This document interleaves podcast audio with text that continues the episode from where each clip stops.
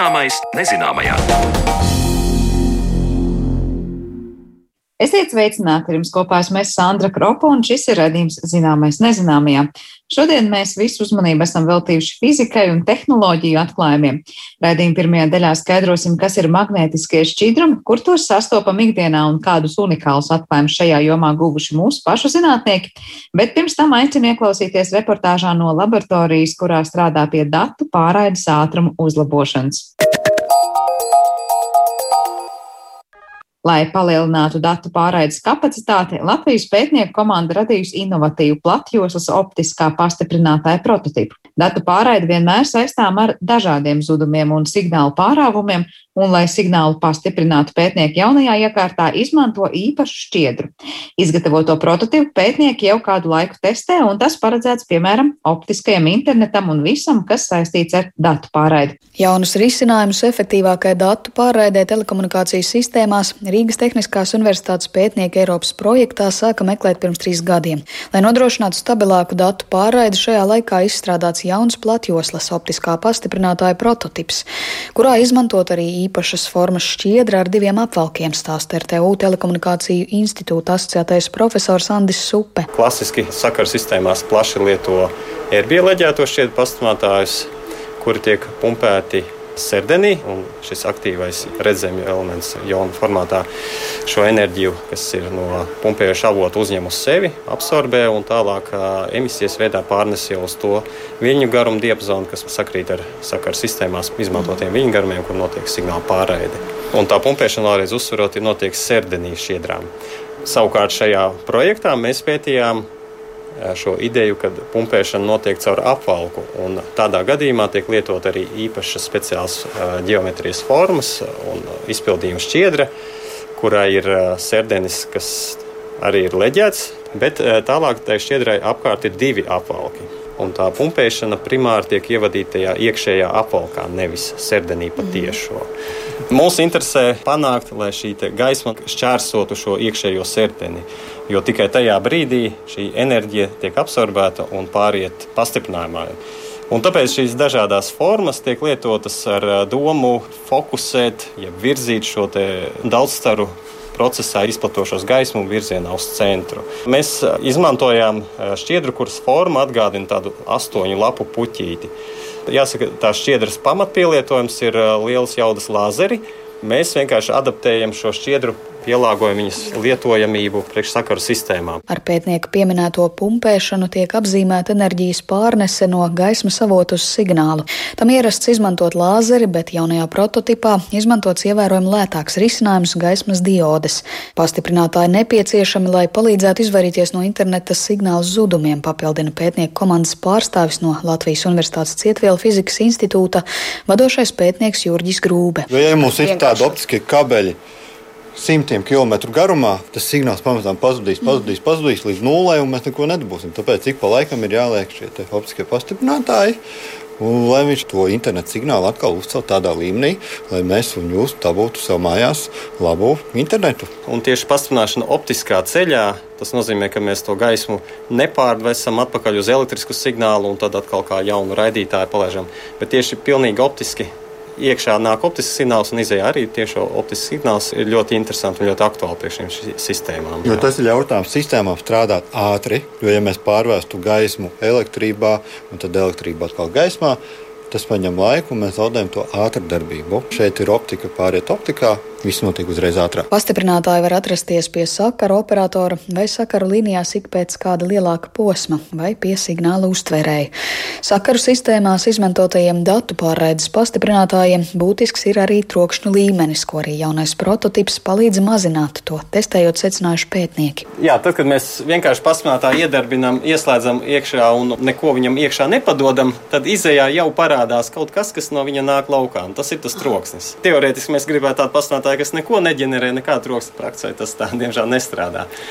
Es varu tā vienkārši, jā, ko tas nozīmētu. Mēs skatāmies uzvaru, skatāmies bildi, un ja parādītos troksnis, tad, piemēram, parādītos balts plankums. Tas ir tas troksnis, kas ir radies pastiprinātāja ceļā, ko mēs negribam. Tāpēc uh, ir jāizveido tie pastiprinātāji tādi, kas netaisa nekādus papildus trokšņus, ka tikai to signālu, ko mēs ievadam, to mēs arī dabūjam ārā. Projekts ilga trīs gadus, un prototipu mēs testējam arī uz reālām pārēdes līnijām. Tīkls, kas savieno universitātes un pētniecības institūtus. Un Ķīpsalā kā reiz atrodas šī tīkla centrālais mezgls, būtībā superdators. Un, tad šobrīd projekta rezultātā mēs esam ieguvuši izēju no šīs laboratorijas, kas atrodas elektronikas un telekomunikāciju fakultātē. Izēju uz ārējo pasauli. Ja mēs faktiski no šī galda, tepat tās ir 12 pieslēgvietas. Jā Un pieslēdzoties klāt ar šo prototipu, mēs būtībā tālāk varam sakomunicēt to visu ceļu līdz spējas datu centram, kur pienāk visi šādi pieslēgumi no, no pārējās Latvijas. Būtībā tur ir pārstāvēti visi lielākie operatori, kas uztur savu optisko tīklu. Ja. Un, jā, un šobrīd faktiski tehniski mēs varētu pieslēgties arī eh, pie šīm pārējām līnijām, kur mums ir iespēja atrast kādu brīvo šķiedru, sarunāt ar šiem uzturētājiem un testēt jau gan šo pastāvātāju, gan arī nākotnē kādus eh, topošus izgudrojumus uz, uz reālām līnijām. Un šī projekta ietvaros, jā, mēs arī vienu šādu līniju dabūjām. Tā bija līnija, kas ir izmantota rezerves līnija priekš RTU. Cietvielu fizikas institūts projektā pētīja tieši pašu šķiedru, lai noteiktu, kuru gaismu tā absorbē un citas īpašības, izmantojot iekārtas un zināšanas, kas savukārt nav telekomunikāciju institūtā, stāsta Jurģis Grūbe. Mēs noteicām tādu lietu kā laušanas koeficients tām dažādām daļām, tam sērdenītē, puķītē, kas arī ir svarīgi nepieciešams zinātnē brīdī, kad uh, RTU pusē taisa dažādas simulācijas. Tad bija svarīgi zināt arī, kāda ir elementu koncentrācija. Ja? Tad mēs likām šķiedru skenējušajā elektronu mikroskopā, noteicām, kādi ir elementi par to visu šķiedru, jo to informāciju ražotājs nesniedz. Tas ir komerces noslēpums. Tāpēc, nu, lai te varētu uztaisīt, tas ir jāzina. Nu, mēs nācām palīdzīgā. Jā, nu tad, attiecīgi, tur gaismas avotu mēs palīdzējām pētīt, kā viņam tas spektrs mainās atkarībā no temperatūras. Tad mēs palīdzējām saprast, kā labāk šo gaismu, kas ir tā pumpējošā, kas ir dioda, kur ir tā dioda Dioda mums ir šeit virsū. Jā, jā. Tur ir tā dioda, kā to gaismu vislabāk dabūt iekšā tajā īpašajā šķiedrā, jo tas jau arī nav tāds vienkāršs process. Nevar tā salikt kopā, skoču aptīt un viss notiks. Un tur ir dažādi mehānismi, un jā, tad cilvēki tur modelē ar datorsimulācijas palīdzību. Arī Andis Supa izceļ, ka projekts ir īpašs tieši sadarbības pieredzē starp dažādu zinātnes disciplīnu pārstāvjiem, kas pētniecībā Latvijā joprojām nereti pietrūkst. Labprāt arī turpināt sadarbību arī ar Latvijas Universitātes Cietvila fizikas institūtu, jo tā izstāsta ir ļoti veiksmīga kombinācija. Ja, mēs kā sakar cilvēki, kas zina savu jomu, bet vienlaikus mums ir daudz tādu momentu, kur tieši pietrūkst, bet vienlaikus mēs zinām, ka ir speciālisti Latvijā. Jūs tā ļoti uzsverat to sadarbību, kā ir, bet nav tā, ka jau šobrīd jau tomēr tā starpdisciplinārā zinātne, nu, viņa notiek realitātē, sadarbojas universitātes savā starpā, bet tomēr tas joprojām ir retums.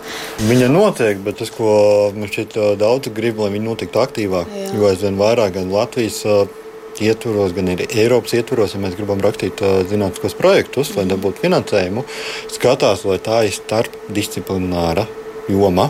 Bet kas ir šķēršļi? Kāpēc viņi nav pietiekami aktīvi šodien? Oh. Nu, es domāju, vēsturiski daudziem patīk varbūt, nu, sēdēt savā, savā laboratorijā jā, un tur mm. strādāt. Bet tas, ka ja tu izēj ārpus no tā komforta zonas, tev ir sarežģījumi, ar kuriem jācīnās. Tas man šķiet Tāpēc es piekrītu piedalīties šajā projektā, jo tā ir iziešana no manas komforta zonas, mm. no mūsu komforta zonas, gan man, gan Andim, ka mēs sadarbojamies, lai sasniegtu rezultātu. Un, jā, un līdz šim jau bieži bija tā, ka, ja mēs kaut ko nezinām, tas pirmais meklēt kaut kur ārpus Latvijas, kur to dara, ja kāds pētniecisks institūts, bet patiesībā bieži vien tas notiek tepatās, tepat Rīgā. Jā. Zinātnieki vēl turpina pilnveidot izstrādāto platjoslas optiskā pastiprinātāja prototipu, lai to varētu arī komercializēt tik tālu par tehnoloģijām datu pārraidē, bet par to, kas ir magnētiskie šķidrumi, saruna pēc brīža.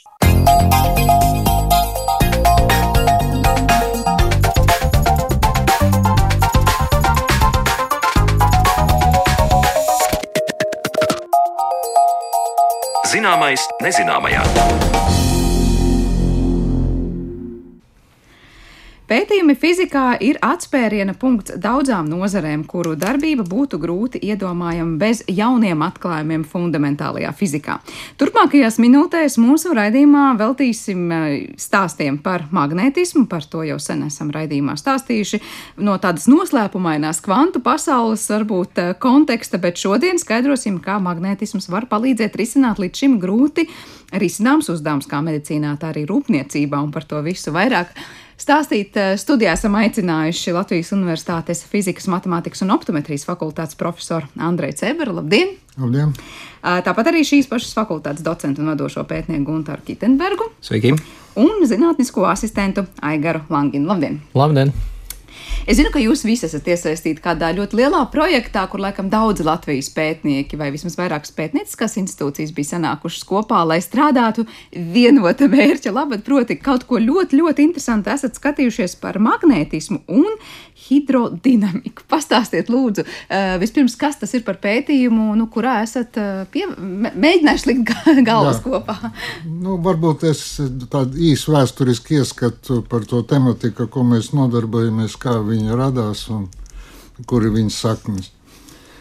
E, kaut kur 60. gadu beigās, 70. gadu sākumā Fizikas institūtā konceptuāli radās doma, ka vajadzētu paplašināt magnetohidrodinamikas priekšmetu kā tādu, kurš līdz tam pārsvarā nodarbojās ar vadošu šķidrumu kustības likumsakarībām e, magnetiskā laukā.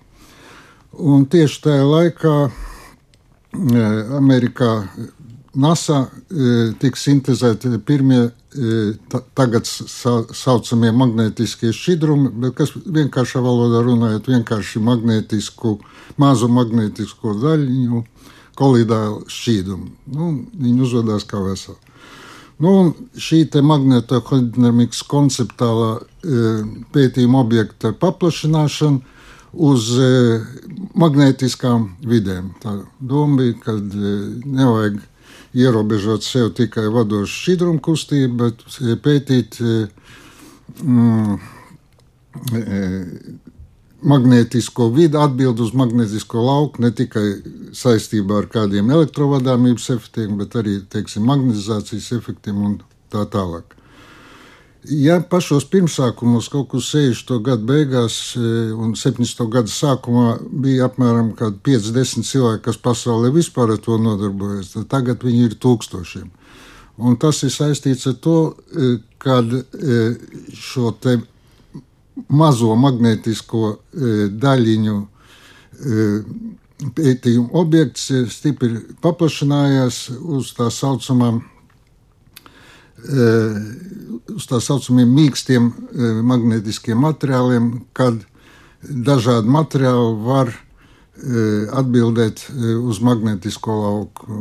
Nu, teiksim, mēs varam kādam gēlam piemaisīt magnētiskas daļiņas un var sākt mainīt šo gēlu mehāniskās īpašības pa vairākām kārtām, kas ir ļoti interesanti biomedicīnā, jeb šūnu bioloģijā. Es tieši biju vaicāt par to, ka izklausās magnētiskie šķidrumi tā ļoti interesanti, bet kur ir tas, nu, kur mēs varbūt jau saskaramies ar to, kur tādus pielieto, vajadzētu pielietot? Tas ir kā... nu, cik es zinu, tad e, viņus pielieto skaļruņos. Iespējams, pat arī jums gadījumā ir kāds skaļrunis, tad viņš vienkārši tiek iepildīts tajā spraugā, kur tās polijas kustās, un tad e, viņš uzlabo frekvenču raksturlīknes. E, nesilst, var lielākas jaudas pielikt. Tas ir viens e, aspekts. Saistībā ar tā saucamiem magnetoroloģiskiem šķidrumiem tiek pielietot auto rūpniecībā, priekš demperiem un tam līdzīgi, cik es zinu, tad dažiem Audi markas mašīnām viņi arī ir. Bet tas pats uh, plašākais e, pielietojums, kas jau radās kaut kur jau 70. gadu vidū, tā ir e, tā saucamās blīvas. Un viņi 50 gadu laikā nav bankrotējuši. Viņi ražo tās kristāla audzēšana iekārtas kopā ar magnētiskām blīvēm. Jo mums vajag ievadīt vakumā kādu rotācijas kustību, tad tur ir berzi, ja tur, bet ja šķidrums tā berzi ir mazāk, līdz ar to tas pielietojums ir ļoti efektīvi darbojas. Katrā ziņā tie magnētiskie šķidrumi mums ir daudz tuvāk nekā mēs esam iedomājušies. Nu, teikt, tā varētu uzskatīt. Nu, jā, viņi. Ik uz soļa. Es varu papildināt, ka tie Andrei minētie piemēri tie ir tādi vēsturiski, kas ir veidojušies pamatīgi, un tagad tā pārējie, ko Andrejs jau iezīmē, ir uz biomedicīnas virzienu, jo izrādās, ka nu, šie koloidālajie šķidrumi ir magnetiskas nanodaļiņas īstenībā, un tām daļiņām pašām ir ļoti daudz interesantu pielietojumu, un virkne no viņiem jau medicīnā sāk ienākt. Tad viens no pamata uh, variantiem ir kontrastviela magnētiskās rezonanses attēlošanai. Uh, tad arī tiek runāts par hipertermiju, kas ir gana drīz uh, pieejama komerciāli, kas ir izmantot šo magnētismu īpašību ar ātru frekvenci, kustinot un mainot magnētiskā lauka virzienu, lai sildītu šīs daļiņas. Tad ar viņām var lokāli paaugstināt temperatūru un attiecīgi nogalināt tās šūnas, kuras negribētos, ka ķermenī ir, piemēram. Bet tas, protams, viss ir diezgan daudz vēl izpētes stadijā, un tāpēc arī mums bija daudz, daudz ko darīt. Uh, jā, Andrej, jūs minējāt, ka vēl kādi bija tie 5 līdz 10 cilvēki pasaulē, kas pētīja, un nu jau tie ir no, vairāk desmit. Tas bija viens no viņiem. À, tad, tas bija, nu, bet jebkurā gadījumā tā pāreja ir notikusi. Jautājums, cik daudz šobrīd Latvijā ir to cilvēku, kas darbojas ar magnētiskiem nu, šķidrumiem? Tagad, laikam, mūsu laboratorijā ir kādi 15 cilvēki. Tik cik kādreiz bija visā pasaulē. Jā, tik cik bija kādreiz. Un, un te tas stāsts, jā, ka tās grupas jau ir daudz, kad pasaulē, un tad uh, mēs, tas projekts, par kuru gribējām šodien vairāk izstāstīt, un, jo tas tuvojas noslēgumam, ir saistīts ar to, ka uh, virkne šādu grupu uh, izveidoja kopēju tīklu, kas ir pateicoties Eiropas uh, apvārsnes 22 finansējuma instrumentam un spēja pie līdzīgām tēmām strādāt kopīgi. Tā doma ir tie inovatīvi apmācību tīkli, kas saistās ar jauno zinātnieku uh, Piesaist, nu, apmācība, jā, piesaist un apmācība. Jā, un tad vairāk Aigars dažreiz varēs izstāstīt, kā tas praktiski izpaudās, bet tad, tad pateicoties Andreja uh, pieredzēju šajā teorētiskā virzienā, vairāk arī mūsu eksperimentālajā bāzē, mēs bijām gan interesanti arī citiem Eiropas kolēģiem, kas veidoja šo nu, konsorciju. Visu to gadu laikā mēs kaut ko bijām sastrādājuši, un mūs pazina, un tāpēc tajā konsorcijā arī uzaicināja piedalīties. Tā kā Latvijai it kā salīdzinoši maza un vairāk mūsu laboratorijas pārstāvēt tēma, bet pasaulē viņi plaši izplatās, mm -hmm. esmu mhm. pārliecināts, ka arī Latvijā zinu, ka jau ir interesi par šiem pielietojumiem. Vairāk. Jā, Aigarma, tad jautājums, kā ir strādāt tādā komandā, kur, nu, liekas, Andrēs ir pat nu, nu, viens no celmlaužiem, jā, kas no, ir bijis eh, pasaules līmenī šajā pētījuma laukā, un tagad viņš tepat ir tikpat tuvu, un mēs te Latvijā darbojamies. Ir tāda sajūta, ka ir kaut kāda nu, īpašā niša Latvijas zinātnē šajā lauciņā. Jā, jā, visnotaļ. Tā kā šī projekta ietveros mums ir daudz ārzemju partneru pa visu Eiropu. Kopā mēs esam laikam septiņas valstis un 15 doktoranti. Mēs regulāri tiekamies, ik pa pusgadam mums ir mini salidojums, kas ir reizē arī apmācības. Tad es atceros, ka pašā pirmajā atklāšanas pasākumā, kas bija Slovenijā, Ljubljanā, cilvēks staigāja apkārt ar profesoru Cēbera magnētisko šķidrumu grāmatām. nu, tad varēja just, ka nu, jā, kā, kad, kad te, viņi skatās uz mums. Stūrakmenis jā, jā, pie jā. mums Latvijā. Uh, par to, ko tieši jūs pētījāt, es saprotu tās uh, dažādās zinātnieku grupas, jūs strādājat tā kā pasaulē šobrīd paralēli pie vieniem tiem pašiem eksperimentiem vai jautājumiem, vai tomēr katram ir savs uzdevums, sava kaut kāda konkrētā ievirza, un tad jūs liekat kopā tos rezultātus. Te vairāk par to konstrukciju izstāstīja, ka tas ir tāds saistīts pētījuma bloks, un tad nosaukums bija magnētisms un mikrohidrodinamika, jā, un tad bija vairāk magnētisma aspekti, uh, hidrodinamikas aspekti un, un tad kaut kāda sasaisti kopā. Un, tā kā bija, kā Aigars minēja, 15 doktoranti, tad katram bija sava tēma, un tāpat laikā viņas ir vairāk vai mazāk saistītas. Ja, sākot no ļoti industriāla pielietojuma un veidiem, kā izveidot labākus magnētus, ja, beidzot ar Aigara disertāciju, kas ir ļoti fundamentāla, kā modelēt pilienu. Bet... Jā, es varbūt tikai piebildīšu, ka te ir tāds interesants saiti fluiditāte, kā to plūstamība un magnetisms. Un tāda saite dabā praktiski neeksistē. Un līdz ar to var redzēt veselu kaudzi ļoti interesantu efektu, kas no šīs sasaites plūstamības un magnetismu. Un viens no tādiem ir, ka magnetiskā laukā tiem magnetiskiem šķidrumiem veidojas ļoti e, savdabīgas e, līdzsvaru figūras. Tas, teiksim, piliens parasti gribētu būt apaļš, bet magnetiskā laukā viņš izstiepjas par garu, garu pavadienu. Jeb citos gadījumos no viena apaļa piliena var iztaisīt veselu labirintu. Kad no tā piliena izstarojās ārā dažādas pirksti, un tie pirksti savstarpēji miedarbojas, beig beigās izveidot tādu labirintu struktūru. Un tad ir vesela uzdevumu klase, matemātiski ļoti sarežģīta par šīm līdzsvaru figūrām. Nu, tad Aigar, viena no tēmām bija saistīta ar līdzsvaru figūru atrašanu. Tad es aigaram prasīšu. Tas nozīmē tā, ka vienā pilienā tiešām tādu, kā mēs iedomājamies, kaut kādu lietu slāsītu vai es nezinu, ko uh, mēs varam izveidot veselu labirintu tikai tā, kā mēs tur apkārtējo vidi tur magnetizējam un izmainam, un no tā ir savukārt atkarīgs, kur to pielietos un kādus brīnumus varēs veikt tās, tās vielas. Nu, būtībā jā, tikai nevis lietus pilienu izmēra, bet daudz, daudz, daudz mazākus Desmitdaļa no mata diametra varētu būt desmit mikronu diametrs tiem pilieniem, ar kuriem mēs pārsvarā strādājam. No tāda tad var izaudzēt. Tad to vēl, to mazo vēl var visādi ja, izveidot, pārveidot, un es nezinu, viņā iekšā kaut kādā veidā pārmaiņas radīt. Jā, es gan vairāk sēžu pie datora un simulēju tās lietas eksperimentos. Varbūt ir vēl daudz citas nianses, par kurām es neesmu pazīstams.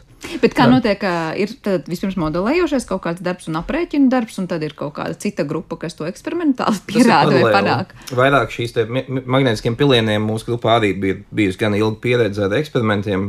Man disertācijas laikā bija virkni interesanti rezultāti, ko mēs nemācījām īsti skaidrot un vai nu, reproducēt sevišķi skaidrs kā modelī, kas ļautu to skatīties tālāk. Ja mēs gribam iet pielietojumos, mums jāsaprot, kā tas strādā un ko mainīt, lai tas, tas uh, rezultāts būtu tāds, kādu mēs to vēlamies. Ja? Un, un šajā gadījumā šī tematika piliena bija vairāk mūsējā, un tad bija citas grupas, kas iespējams jau no pilieniem taisīja adatiņas un mēģināja viņām kaut ko kustināt, jā, pārvietot objektus, jā, kas ir transporta sadaļa. Un, un tā. Beig beigās jums ir izdevies sasniegt visu to, ko jūs gribējāt. Es nezinu, ieraudzīt, uzģenerēt, izmērīt. Es nezinu, kas ir jāsaka šobrīd.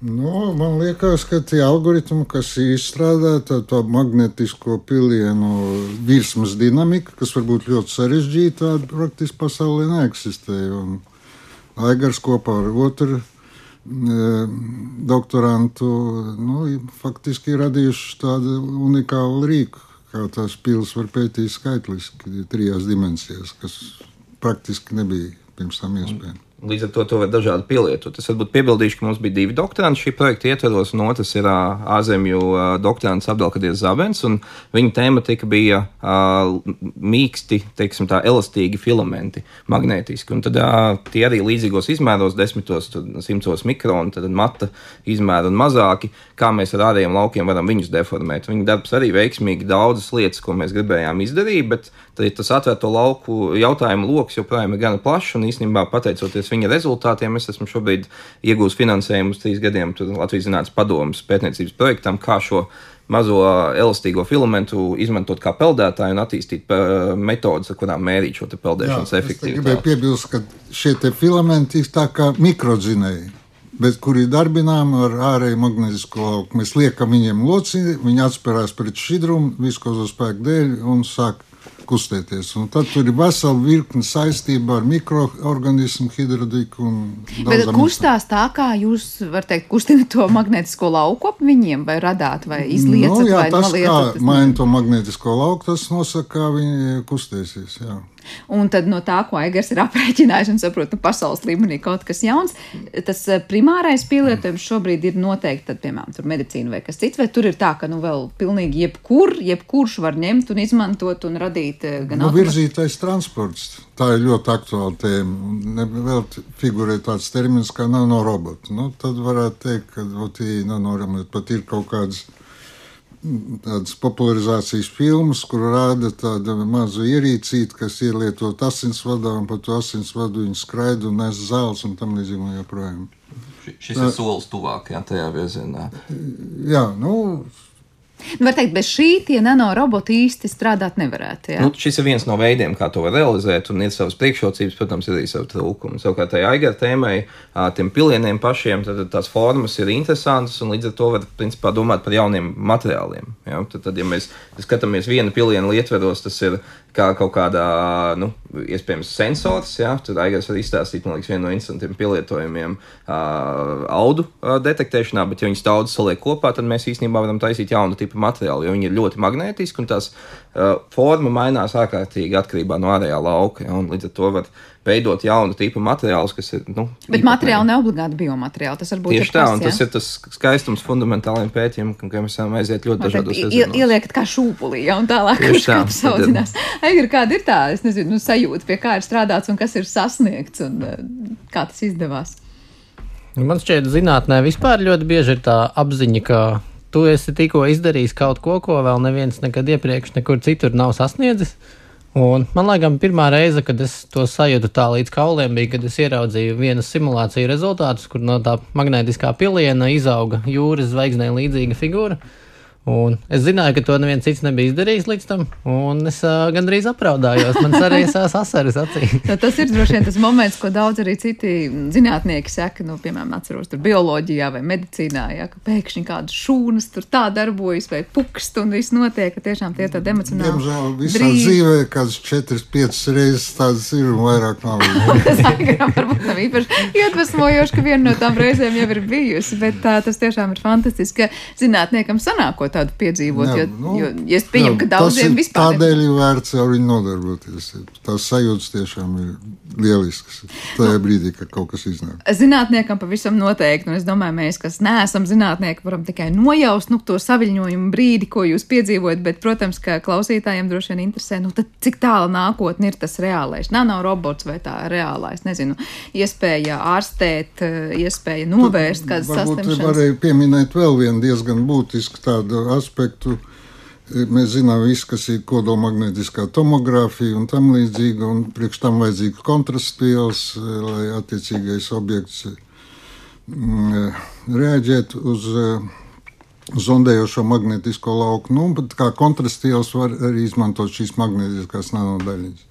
Un tā ir atkal vesela tāda tēma ar savu nu, specifiku. Nu, tur droši vien tas pielietojums daudz ātrāk ierauga dienas gaismu nekā nanorobots. Ne, ne, nekā nanorobots, protams, un tas, eh, tas laiks tie ir nu, desmiti gadu visticamāk joprojām. Un ir, ir varbūt daļa, kas ir tādi ja to nedara cilvēka ķermenī, ja, tad, tad, tad tajos brīžos tie pielietojumi var būt nedaudz ātrāki. Bet tieši... tas jau gandrīz vai reāli strādā. Tur ir vairākas modifikācijas, tai magnētisko nanodaļiņu izmantošanai, tomogrāfijā, tā saucamais.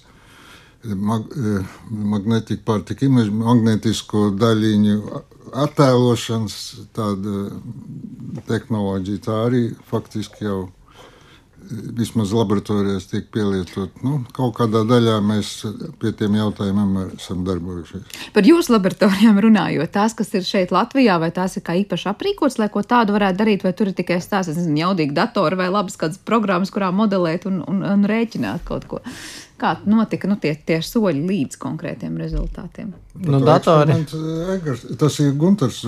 Jā, bet varam sākt Egars izstāst par nu, tā skaitliskā puse noteikti nav specifiska šiem pētījumiem vai īpaši kaut kādā ziņā mūsu pusē. Tie ir vienkārši lieli jaudīgi datori, uz kuriem tad griež tās simulācijas vairāk īpašāk ir tajā eksperimentālajā daļā. Bet pirms dot Gunteram vārdu, cik ilgā laikā var tos aprēķinus un tās simulācijas teikt, nu, iegūt? Tas ir tā, ka nedēļām gaidām kaut ko vairāk. Lielākās simulācijas ir jāgaida nedēļām ilgi. Jā, tā, nu, pacietības treniņš. un tad es saprotu, nākamais solis Gunter, jā, ir tad, kad notiek eksperimentālā kaut kāda fāze. Vai nu nākamais, vai iepriekšējais, vai paralēlais. Tā kā ļoti atkarīgs no situācijas. Un, protams, eksperimentālā ziņā tur ir savi priekšnosacījumi, un viens no tiem ir magnētiskais lauks. Līdz ar to mums laboratorijas specifika ir, ka mēs mikroskopus esam spējuši aprīkot ar dažādu veidu magnētiskām spolēm. Jā, tad, tad spēt radīt dažādas konfigurācijas magnētiskos laukus, lai realizētu tos eksperimentālos uzdevumus, ko mēs gribam. Ja? Un tad mēdz eh, tas virzīties, ka mēs kaut ko interesantu pamēģinām eksperimentā un ieraugam, un tad ir uzdevums teorētiķiem. Atkal vai, kaut ko ierēķināt. Jā, vai otrā virzienā viņiem saka, hei, bet šādi izdarot ar lauku mums vajadzētu ieraudzīt to. Un tad plus mīnus šādi tas ceļš arī iet. Un tas arī bija nu, no eksperimentālās bāzes gan interesanti. Mēs bijām šī projekta ietveros, bija vairāki šie doktoranti, kas brauc arī mūsu virzienā un atsevišķus kaut kādus pētniecības uzdevumus mēģināja realizēt uz mūsu eksperimentālām iekārtām. Tā, tāpat kā mūsu iebraucot uz uh, ciemos pie citiem no šiem projektu partneriem. Es saprotu, ka vienam no jūsu projektu partneriem, vai es nezinu, ir publicēta žurnālā Nature pat publikācija saistībā ar šo. Tas ir šī paša pētījuma rezultāts jau. Tas varētu teikt, laikam bija tā ideja bija mugurkauls arī šai sadarbībai, ja nemaldos. Nu, saistīts tas ir mm -hmm. par to magnētisku brīvu virsmu uzvedību.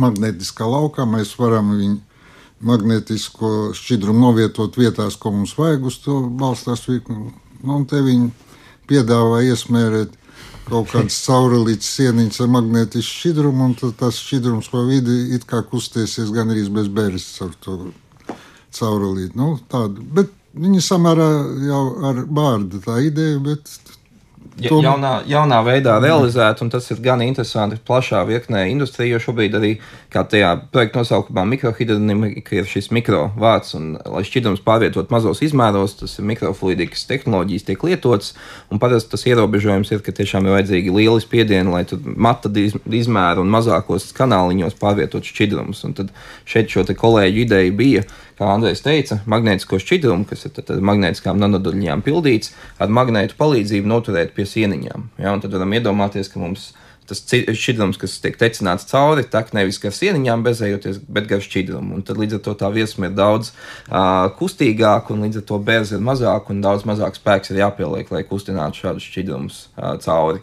Un tad tur virkne dažādi interesanti pielietojumi atkal var būt, var uztaisīt maisītājs no šīm uh, šāda tipa ierīcēm un tā tālāk. Un tad jā, viņi bija demonstrējuši, kā viņi gan uh, viskozes šķidrumus spēja iztecināt daudz, daudz ātrāk nekā jebkurš šī brīža mikro, uh, mikrokanāliņu čips. Es tieši gribēju vaicāt, tad tas fundamentāli viss, nezinu, lielākais ieguvums no šādiem šķidrumiem ir tas, ka kaut kādi procesi notiek ātrāk, precīzāk vai vispār vietās, kurās līdz šim mēs netiktu klāt. Es Principā, ar līdzīgiem objektiem, līdzīgiem šķidrumiem, tikai elektriskā lauko var iztaisīt tā, ka šķidrumam vispār nav viskozitātes viņš plūst cauri e, caurulītei, faktiski bez beres.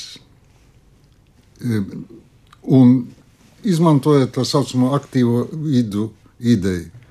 Tas ir viens tāds ļoti karsts temats, kas tagad tiek pētīts, tā saucamās aktīvās vidas starpība no tādām parastām vidēm ir tā, ka enerģija šajās aktīvās vidēs pieplūst ar pašiem struktūras elementiem. Nu, teiksim, tā kā baktērijas suspenzija. Baktērija pati ir enerģijas avots, viņa tur patērē kaut kādu ķimikāliju, un tad viņa ansambļi var uzvesties ļoti komplicēti, un tā skaitā var realizēt stāvokļus, kad vispār viņa ansamblim kā tādam nav nekādas e, pretestības. Nu, tā tāda ļoti interesanta Bet lieta. dabā mēs, jūs teicāt, sākumā, tā kā es saprotu mm. pareizi, nevar novērot tādu magnētisko šķidrumu. Tas ir tā māksloti uzģenerēts un cilvēku tas, tas īpašības ir krietni ja? pastiprināts. Ir e, šķīdumi, tad ir sāļi, kuriem ir magnētiskās īpašības stiprākas, bet tās ir salīdzinoši vājas ar to, ko mēs varam ar šādu koncentrētāku magnētisku nanodaļiņu e, kolīdu panākt. Ja? Un tad tieši tā tie lauki ir izdarīti izdarīt to, ko iepriekš nevarēja. Piemēram, ieraudzīt pilienu, pārvēršamies par,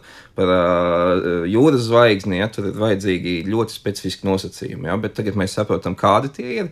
Kas tur var izaugt, un tad domāt, jau, hei, kurā vietā mums tas varētu noderēt. Es gribēju papildināt, ko mēs arī esam laboratorijā pētījuši. Pazīstams tā saucamās magnetotaktiskās baktērijas. Ko tas nozīmē? tas ir baktērijas, kas reaģē uz Zemes magnetisko lauku, jo tā viņam ir izdevīgi atrast viņam optimālos dzīves apstākļus, orientējoties un kustoties uz attiecīgām vietām. Nu, tās magnētiskās baterijas satur tos pašas stīgas, kuras pētīja Abdelkadir Zābens, ko Gunārs jau pieminēja. Viņās iebūvēts iekšēji vienkārši magnētisku nanodaļiņu ķēdīs, kas e, faktiski kalpo kā kompas adatiņu tām baktērijām. Nu, tās mēs arī esam e, pētījuši, vēl joprojām taisamies viņas e, pētīt. Tas ir jautājumā par to, vai dabā eksistē kaut kas līdzīgs. Nu, tad viens no veidiem ir šīs magnētiskās baktērijas, vesela pasaule. Varbūt tik piebilstot, ka nevis iebūvētas iekšā, bet viņas pašas biomineralizē šīs nanodaļiņas. Tad tas pašas rada, Tieši tā, un tas ir viens no interesantiem jautājumiem, piemēram, kad viņas ir radušās, un arī geologi var meklēt nogulumos šīs nanodaļiņas un no tā mēģināt izdarīt secinājumus. Bet, protams, viņas ir atsevišķas vienā baktērijā, nevis koncentrētas šķidrumā, kā mēs ar tiem, tiem šķidrumiem. Nu jā, te varētu piebilst, ka Gunteris iesniedz projektu, ka mēs taisamies tās baktērijas meklēt te Latvijā. Latvijā mēs... Tiems Latvijas ģeologi jāmeklē rokā. Tā ir nu, skaitā.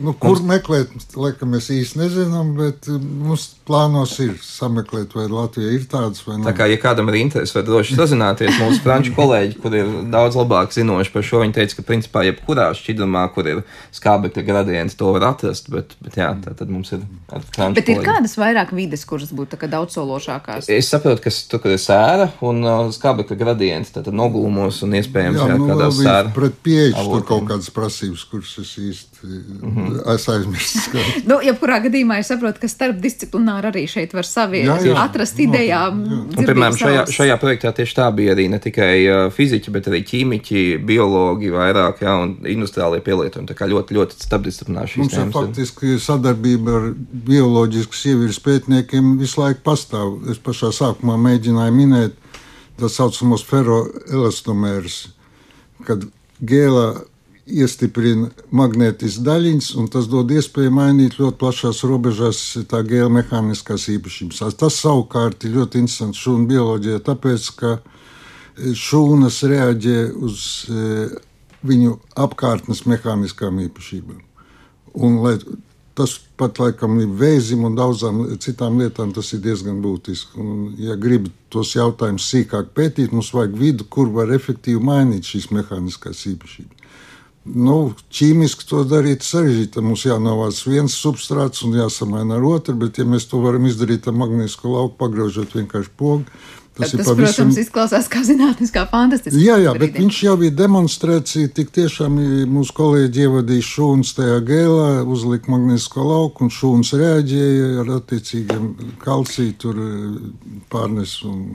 Nu, izklausās tiešām ļoti, ļoti daudzsološi. Pamazām noslēdzot sarunu, kādi ir tie tālākie soļi, kas notiks? Vai šis pētījums, es saprotu, finiša taisnē gandrīz ir, tad ir konkrēti tālākie, es nezinu, sadarbības projekti ar kādām industrijām jau, vai vēl tas ir par tā grūtē, ir vienkārši citi pētījumi kas Tad, nāk tālāk. Pirmkārt, jā, tūlīt beigsies, bet mums tieši tāpēc ir noslēguma uh, seminārs šim, šim pasākumam, un tad varēsim pārskatīt visas tās idejas, kas, kas ir radušās, un arī ir doma domāt par nākamajiem kopīgiem projektu pieteikumiem. Uh, jāpiebilst, ka arī daļa no šīm idejām, kā minēja, viens ir, man, man ir izdevies piesaistīt Latvijas Zinātnes padomus finansējumu arī Andriem. Ir viens pētniecības projekts, kas tieši attīst modeļus, kas ir bioloģiski motivēti, un, un līdz ar to tās idejas jau mājo arī mūsos, un tad mēģināsim, pateicoties šim sadarbības tīklam, arī viņas turpināt vienā otrā, trešā salikumā. Un, protams, jauniem speciālistiem tad ir jautājums, jā, kur viņi dodas. Un daudz jau ir beiguši savas disertācijas, Egram vēl tūlīt, tūlīt ir finiša taisnē. Uh, jauno speciālistu paudzi, vai viņi ies vairāk industrijas virzienā vai citā, tas ir jautājums. Un, starp citu, šajā projektā arī mums bija industriālie partneri. Jā, tā kā daļa, zinu, ka vismaz viena no šiem doktorantiem turpināja savu karjeru tieši vienā no šiem uzņēmumiem. Jā, tā kā nu, durvis atvērts, vai ne? Un tur, kur sirds liek, tur arī varēs doties tālāk. Tas tiešām ir jauki, ka kaut ko fundamentāli pētot, pēc tam mēs redzam to pielietojumu tik ļoti dažādās uh, jomās. Es noslēdzot sarunu, gribēju Andrejam pavaicāt, jūs teicāt pašā sākumā, jūs bijāt nu, viens no tiem dažiem pasaulē, kas strādāja pie šīs tēmas.